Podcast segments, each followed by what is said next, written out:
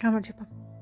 დღეს მინდა ვისაუბრო იმაზე, თუ რამდენად დიდი მნიშვნელობა აქვს კარგი და დადებითი ემოციების ქონას და როგორ შეიძლება რომ ჩვენი ნეგატიური ემოციებიც გადავაქციოთ პოზიტივად და ჩვენთვის სასიკეთოდ გამოვიყენოთ.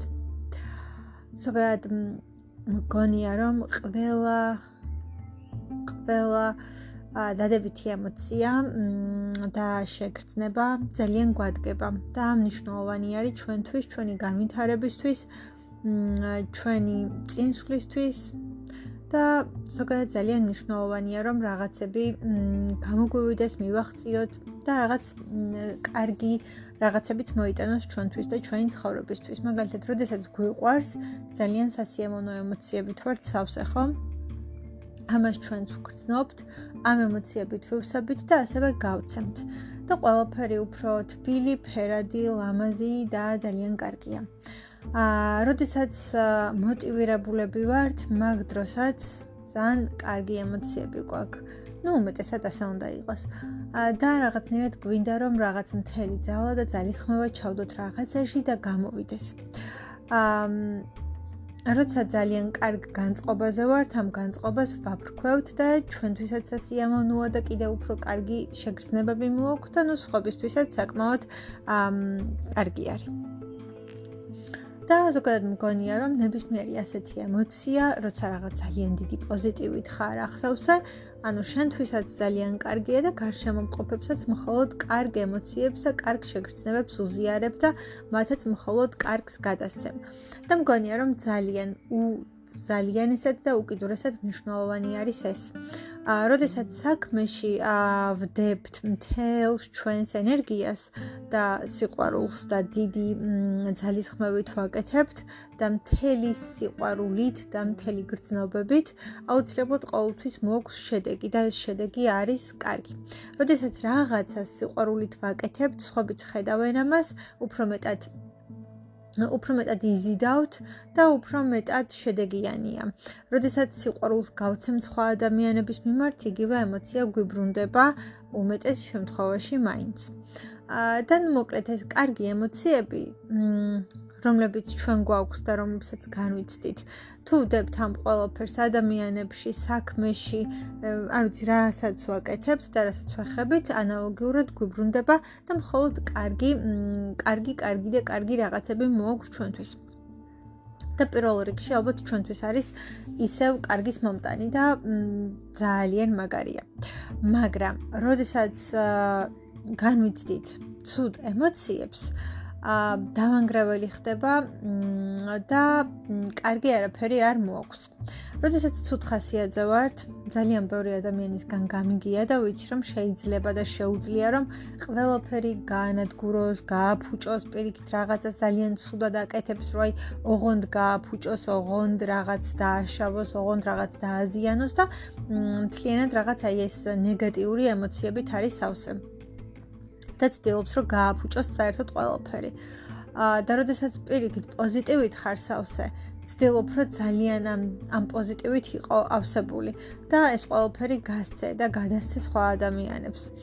და ცუდი ხასიათის, ცუდი განწყობის და ნეგატიური ემოციების დროს კარგი არაფერი არ მოდის.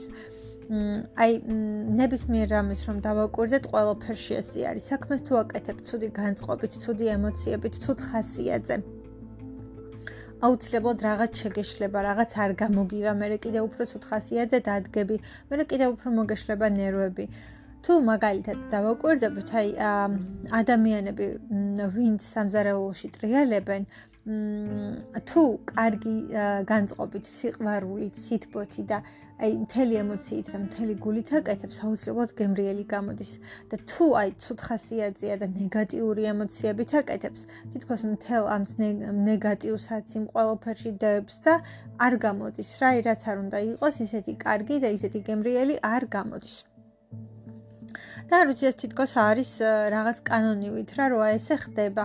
ამ შემთხვევაში ასია იმ შემთხვევაში ისია ესე ხდება ხოლმე და ესე ეწყობა ხო და ძალიან დიდი მნიშვნელობა აქვს იმას, როგორ წარმართავთ ამ ყველაფერს. ნუ ახლა ცუდ ხასიათზე რო ხარ და რაღაც ძალიან მ ცუდი პერიოდი რო გაქვს ამ პრობლემები რო გაქვს, რა თქმა უნდა ძალიან რთული არის რომ აბსოლუტურად გადაერთო პოზიტივზე და აბსოლუტურად შეცვალო ეს ყველაფერი, მაგრამ ხანდახან აი ბრაზი, აგრესია, როდესაც არის ხო?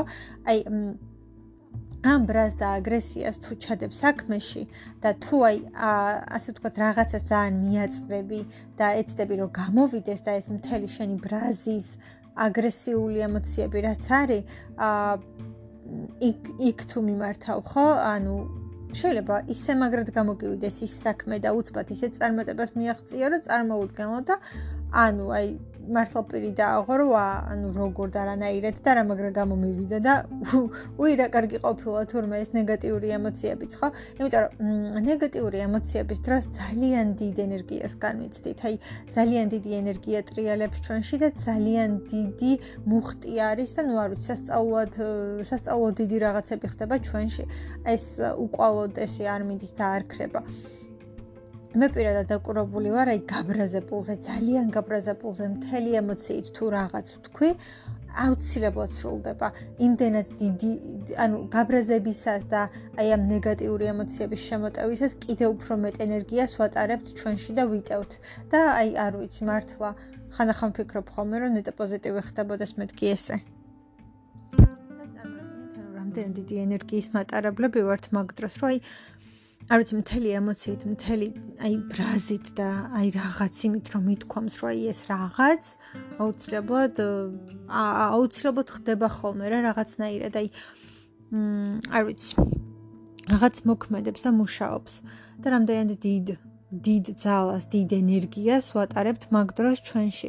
და წარმოიდგინეთ ახლა ეს, ანუ ცუდზე რომ არ მიმართო და კარგში რომ ჩადო, რა შედეგს მოიტანს და როგორ შედეგს მოიტანს. ალბათ ეს არის ყველაზე მნიშვნელოვანი, რომ ვისწავლოთ, ანუ ის ცუდი და ნეგატიური ემოციებიც და ის ენერგია, რაც მაგ დროს ტრიალებს, ანუ ძალიან აი ბუმბერასად დიდი დიდი აი ძალა აქვს რა, აი ძალიან დიდი ენერგია არის მაგ დროს, აი ძალიან დიდი მუხტია და ძალიან დიდ რაღაცას ვატარებთ მაგ დროს ჩვენში, რომ აი წამლეკავი არის მართლა, მაგრამ მაგ ცუდ ენერგიას, ასე ვთქვათ, რაც ნეგატიური ემოციებისგან და ნეგატიური შეგრძნებებისგან, აგრესიისგან, გაღიზიანებისგან დაგროვდა, რომ წარმოვიდგინოთ ამ ყველაფერს თუ ჩავდებთ კარგ რაღაცაში და თუ ჩავდებთ კარგში, მართლა რამ ხელა შედეგს მოიტანს და როგორი კარგი, კარგი რაღაც შედეგი გვექნება რა საბოლოოდ ჩვენ ისევ.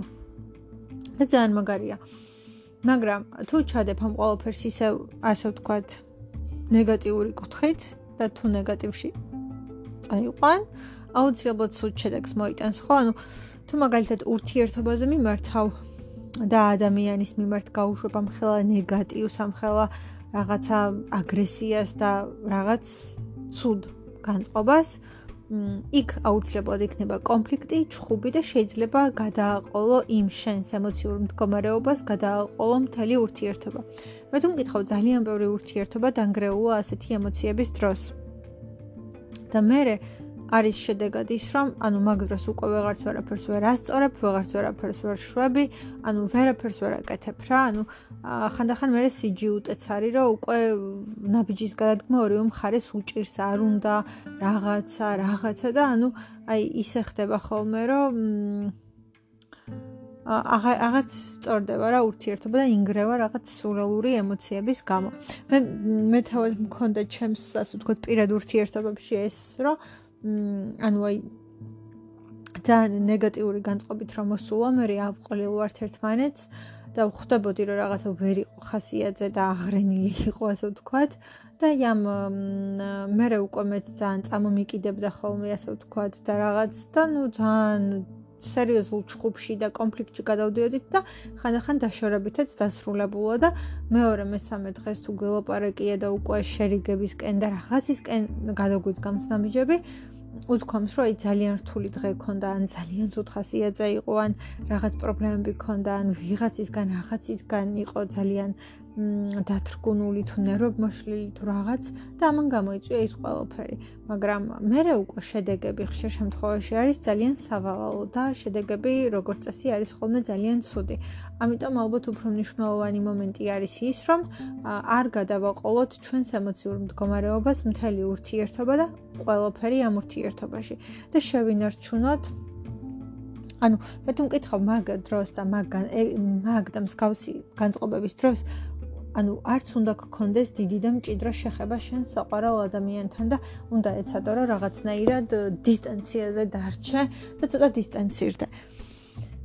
და უნდა ეცადო რომ ცოტათი რაღაცნაირად განმუხტო რა ეს სიტუაცია ვიდრე ის რომ პირიქით შეხვიდე ძალიან კონფლიქტურ სიტუაციაში და შეხვიდე ძალიან კონფლიქტურ ზონაში იმიტომ რომ კარგს არაფერს არ მოიტანს კარგი არაფერი არ მოაქვს და ნუ პირიქით ძალიან ცუდი ძალიან დამანგრეველი და საშინელი არის ურთიერთობისთვის. და ნუ ძალიან ცუდად ცრულდება ხოლმე. ამიტომ ძალიან მნიშვნელოვანი მგონია ზუსტად ის მომენტი რომ ანუ ასეთ დროს და ასეთი ემოციების დროს შევინარჩუნოთ სიმშვიდე და თუ მაინც და მაინც ძალიან დიდ და მოსხვავებულ ნეგატივს და აგრესიულ დამოკიდებულებებს და განწყობებს განწყობებს უგრძნობთ საკუთარ თავში, ეს ყველაფერი რეალურად მივმართოთ საქმის საქმეში. ანუ პირიქით უფრო მეტად დავიტვირთოთ, უფრო მეტად ვაკეთოთ ის საქმე, რაც გასაკეთებელი გვაქვს, ხელსაქმე ან მსგავსი რაღაცები ძალიან ამშვიდებს, ყვავილების ან რაღაცების, არ ვიცი, მოვლა ბაღში მუშაობა რაღაც ნუ ნებისმიერი რასაც უფრო მეტად მოაქვს ჩვენთვის კომფორტი ან სიმშვიდე. და იმ საქმეში ჩავდოთ ეს ემოციები რაღაც პერიოდის მერე დავწყნარდებით ეს ემოციებიც გაივლის ეს ნეგატივი სადღაც წავა. და აა ჩვენ ისევ დაუბრუნდებით ჩვენს რეალურ მდგომარეობას ნეგატივის, გაღიზიანების, აგრესიის და მოზღვავებული ცუდი ემოციების გარეშე. და თუ ამას ურთიერთობაში მიმართავთ, თან ადამიანის მიმართ მიმართავთ, ხო, თავისთავად ის ურთიერთობა დაინგრევა, დაიშლება, განადგურდება, არაფერი სასიკეთო არ იქნება და არაფერი სასიკეთო არ გამოვა, მაგრამ თუ მაგალითად ამ ენერგიას ჩვენი მწუთს მიმართავთ აა რაღაც სხვა საქმიანობის კუთხით ის შედეგს გამოიღებს. თუ მაგალითად ბაღში გადიხარ და ანუ ბაღის საქმეებს მიხედავ, ან ხე გაიზრდება, ან ყვავილი გაიზრდება და შედეგი მაინც კარგი იქნება. იმ შეინ ძალიან მოსხოვებული ენერგიის და ნეგატიური ენერგიის შედეგი გამოვა, რომ რაღაც კარგი გააკეთე მაინც რა.